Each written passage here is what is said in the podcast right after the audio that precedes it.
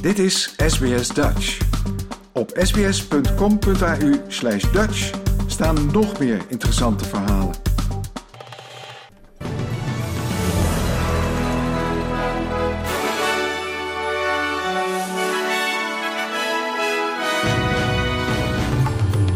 Dit zijn de headlines van het SBS Dutch Nieuwsbulletin van woensdag 28 september. Wetsvoorstel voor een nationale anticorruptiewaakhond ingediend bij het parlement. Staten bieden Optus-klanten vervangende rijbewijzen aan naar hek. En lekken in Nord Stream gasleidingen mogelijk door sabotage.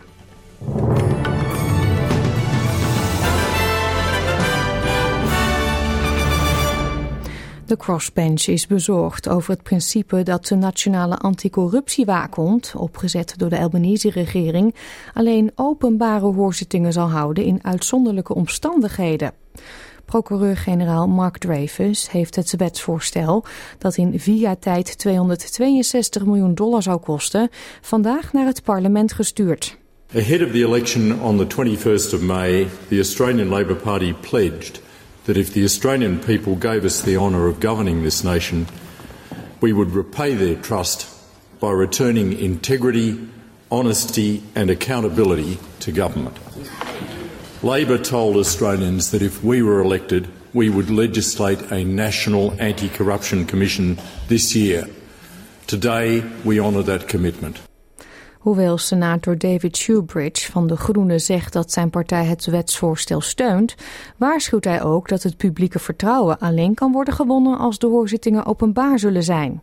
Uh, what, one of the best disinfectants for corruption is sunshine. Public hearings are critical to the work of this National Anti-Corruption Commission. And on behalf of the Greens in the Senate, in the inquiry, we will be working together with this extraordinary bunch of MPs and senators to put as much sunlight as possible into this anti-corruption commission.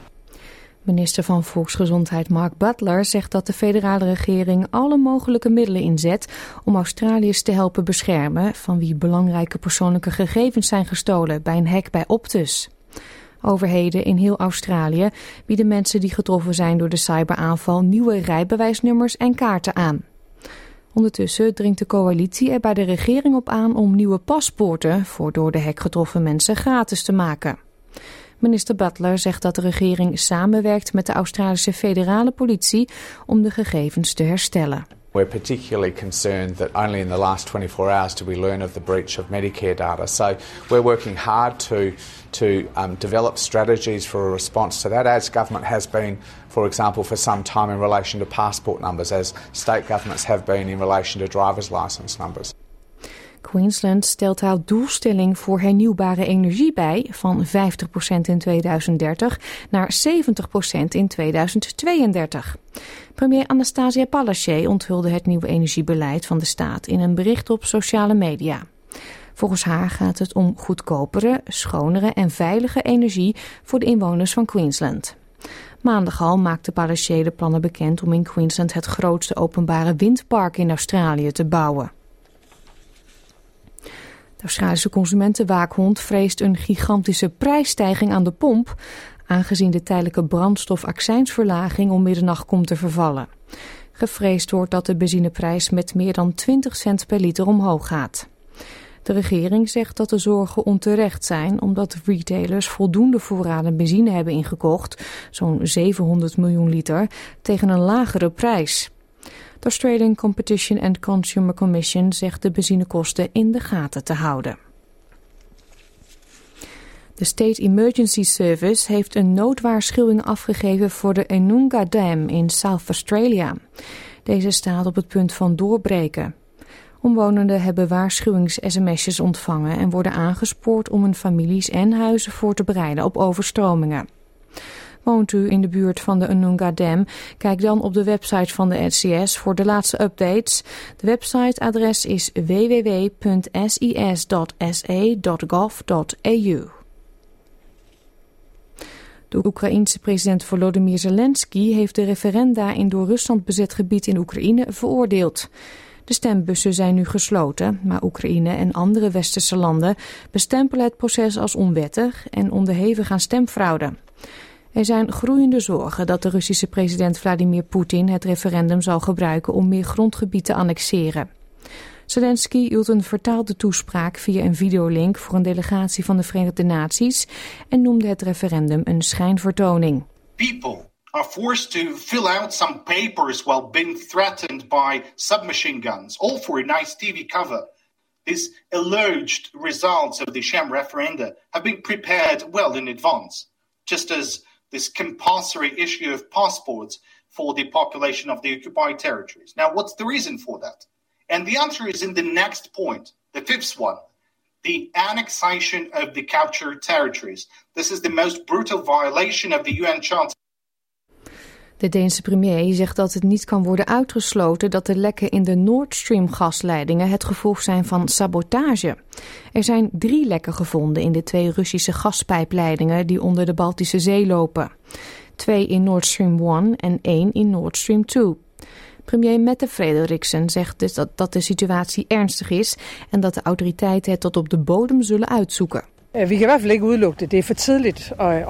We can at least not rule out the possibility. It is too early to conclude anything, but it is an extraordinary situation. It is an unusual situation, and there are three leaks, even with some distance between.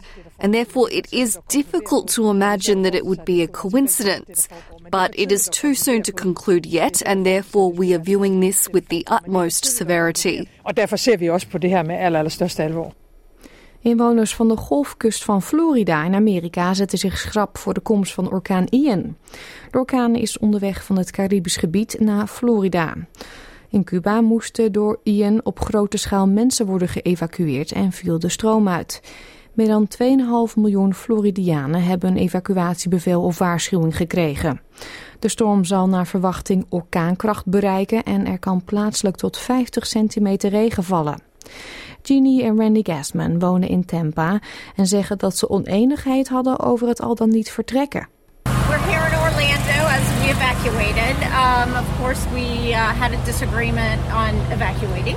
Um, my husband wanted to stay in a uh, 24 uh, floor high rise um, to watch the storm come in, and I wanted to play it safe and evacuate. So, as you can see, I won.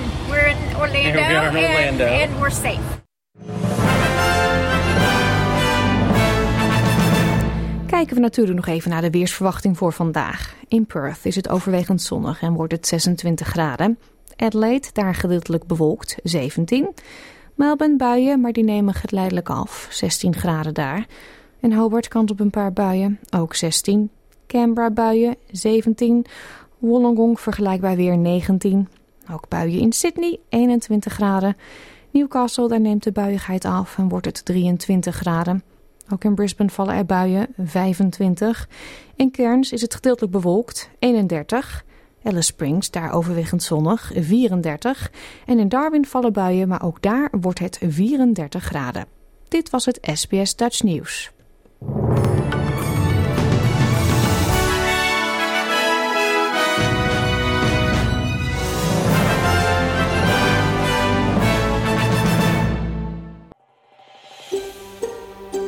Wil je nog meer soortgelijke verhalen? Luister via Apple Podcasts, Google Podcasts, Spotify of waar je je podcasts dan ook vandaan haalt.